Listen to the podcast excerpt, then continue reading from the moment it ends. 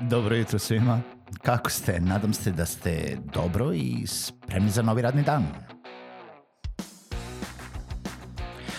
Pozdrav svima i dobrodošli na podcast Male pobede, stari novi podcast koji, well, koji je tu da bi vam kroz pitanje i savete dao motivaciju, pokrenuo vas u pozitivnom smeru i pomogao da ovaj dan počne bolje, jače i možda čak i zabavnije.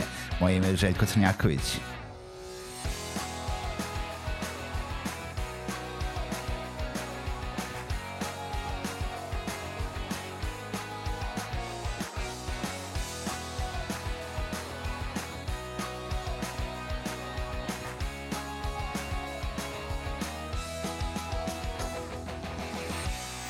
Pozdrav svima, dobro jutro i dobrodošli u novu epizodu podcasta Male pobede. Moje ime je Željko Crnjaković, a vama, dragi slušalci, želim da se zahvalim što ste i ovu epizodu sa podcastom Male pobede. Želim da vas pozovem da posetite sajt malepobede.rs, da se prijavite na newsletter ukoliko to već niste uradili i da podržite podcast e, na Patreonu, patreon.com kroz male pobede, e, nekom malom donacijom, prijavom, subscriptionom ili kupovinom nekom od usluga ili kurseva. Danas želim da pričam sa vama o, o nečemu što je veoma popularno sada u podcast svetu o, o, o tome da se priča, a to je naravno deal koji je Joe Rogan napravio sa Spotifyem. Za one koji ne znaju, Joe Rogan je jedan od najpoznatijih podcastera na svetu uh, sa uh, milionskom publikom uh, koji jednostavno ima epizode od 3,5, 4 sata dva i po, tri sata, nebitno koliko dugo, a, koji radi fantastične intervjue i koji je, zahvaljujući toj popularnosti, pošto se nalazi i naravno na svim podcast platformama, ali i na YouTube-u, već uh, veoma, veoma je uspešan, ako ne i apsolutno najuspešniji podcast na svetu. E sad, Joe Rogan napravio deal sa Spotify-em da prelazi ekskluzivno na Spotify platformu uh, i bukvalno, što bi neko rekao, prodao se za nešto malo preko 100 miliona dolara. Što možemo automatski da kažemo svak čas Joe, ja bi to uradio za pola para. Uh, mislim, ne samo za Spotify, za bilo koga.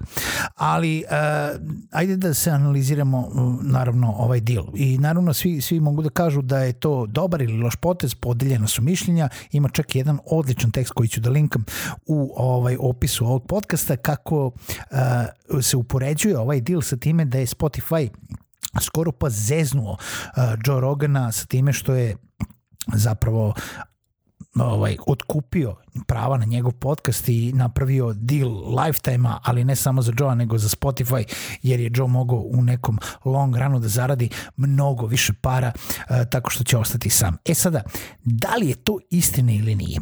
Hajde da malo uh, zapravo analiziramo taj tekst koji ću da vam linkam. Tu ovaj, neki naši ljudi su već analizirali tekst, ali niko u obliku podcasta pa rekao, ajde da se i ja oglasim na ovu temu.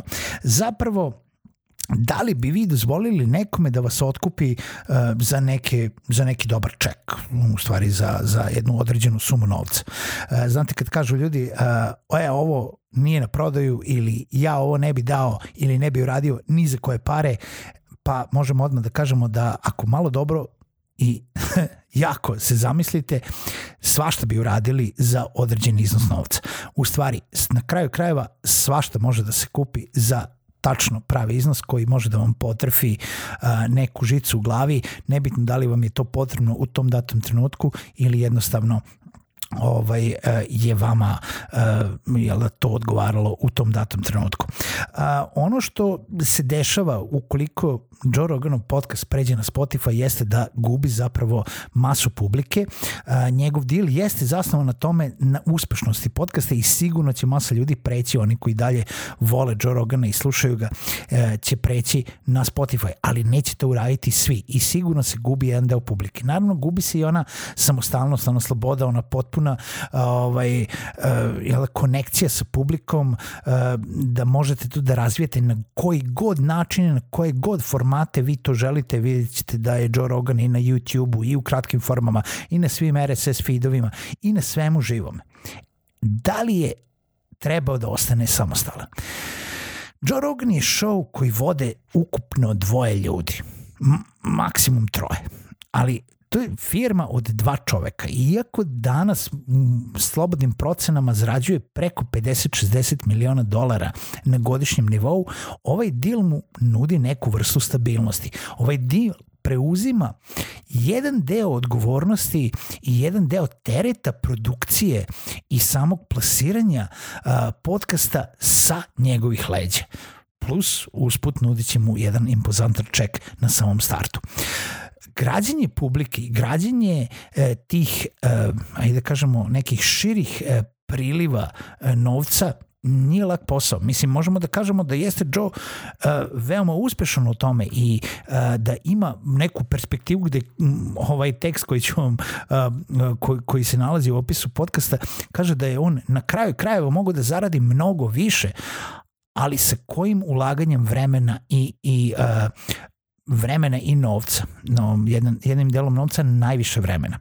Uh, u jednom delu tek se čak pominje na to da je mogao ne samo od prodaje sponzorstava, uh, reklama i tako, nego da je mogao čak da počne da gradi subscription model, uh, da li na Patreon ili na bilo kojoj drugoj verziji. I sada ja ću vas podsjetiti na to da je recimo Tim Ferris, koji je isto veoma uspešan podcaster sa isto publikom od nekoliko miliona uh, ovaj, slušalaca, ne, nedavno, ja mislim da je bilo pre možda čak i godinu dana, objavio kako je on je imao ad-based, znači ono tipa sponzorstva, monetizaciju podcasta na osnovu sponzorstva i onda je prešao na community-based financing gde je otvorio taj neki model pretplate, subskripcije i tako dalje, koji je radio jedno vreme i zatim se vratio na ad-based. Zašto? Nije to slučajno, zato što je jednostavno primetio da na tom nivou brendovi koji su voljni da plate reklame mnogo više mogu da prihoduju i mnogo stabilniji mogu da budu prihodi od toga da se oslonimo na pretplatu slušalaca koju uh, ćemo staviti na dolar, 2, 3, 5, 10 dolara nebitno kom modelu i onda u tom momentu naplatiti tu subskripciju od slušalaca. Zašto? Zato što za nas male nama mnogo znači vaša podrška, nama mnogo znači podrška slušalaca i na taj način možemo da se gradimo dalje. Ali za njih veliki koji imaju milione slušalaca, ne kažem da oni ne mogu da imaju milione u, u uh, pretplati, ali na taj nivo prolaznosti uh, jel da hvatanje publike u stvari ovaj frekvencije slušanja uh, tog dosega riča što bi rekli brendovi daju ogromne novce i to jednostavno ne može da bude paralela sa time koliko ćete novca uzeti na pretplatu naspram toga da ste ubacili jednu reklamu, dve reklame ili tri reklame u podcast ili možda čak i više, zavisi da li ide u pre-roll, mid-roll ili na samom kraju podcasta. Tako da i gledajući Tim Ferrisa Koji je to objasnio u jednom blog postu, ja ću pokušati da nađem, ukoliko nađem i to ću linkovati, uh, Joe Rogan, mislim, analiza unutar ovog teksta nije uh, merodavna u tom smislu i mnogo je, je logično u tome da je on odlučio ipak da to sve uh, uzme i uh, uzme deal od Spotify-a i uzme deal od bilo koje platforme kao tako. Ili ako ništa drugo da je ostao sam da više se bazira na prodaj reklama nego na, na, na uh, jel da to, toj šemi pretplate. Zašto je Joe još uvek uzeo Spotify u nekom moje viđenju svega? Pa zato što Joe ovo radi godinama. Uh, na tom nivou on je još uvek firma od dve osobe. Na izuzimajući da ima ogroman uspeh, izuzimajući da već ima dobar prihod, čovek je u momentu verovatno hteo neku sigurnost i kao i svaka druga kriva, kao svaki drugi biznis, kao i svaki drugi format, podcast je sada na usponu. Ali on je sada već na vrhu. Sa vrha žao mi je da vam kažem, ali kada ste na vrhu nema nigde osim dole. Možete da idete još malo gore i sigurno će on ostati na vrhu još neko vreme, ali je jedan razlog, jedan od razloga zašto je on uzeo deal od Spotify jeste jer jednostavno želi sada da monetizuje taj uspeh koji je uh, na vrhu i da kroz neki deal koji je sigurno sklopio sa Spotifyem uz um, jel da, svu, svu neku o, ovaj, e, preduslove um, kreativnosti i slobode izražavanja kroz podcast, da dobije tu neku sigurnost da će on da potpuno iskoristi potencijal ko, na kojem je sada nivo, mislim 100 miliona ne je mače i kašalj i ne pričamo o tome da ono kao tipa možda bi tu bilo 200 miliona, a sada imate 100 miliona. Šta biste vi uradili? Eto, to je neko moje skromno mišljenje, tako da nemojmo svi da pljujemo Joe zašto se prodao. Joe se prodao zato što svi bi mi se, ovaj, svi bi mi to uradili da nam po, ponude takve uslove, nije on uh, se ugasio, nije se prodao um, na, na to da, da ne postoji, nije počeo da, uh, jel da govori nešto drugo u što ne veruje, jednostavno se vezao samo za jednu platformu za uh, veoma, veoma uh, jasne razloge, uh, lične razloge koji nikome ne treba da budu čudni ili uh, pa preki kao takvi, jer samo pomislite šta bi vi uradili na njegovom mestu. Ako kažete da bi uradili nešto drugo, pa mogu samo da kažem niste na njegovom mestu, pa onda jedva čekam da dođete i da uradite nešto drugo i želim da, da naravno zaradite duplo više nego on. A, toliko od mene za ovu epizodu podcasta Male pobede.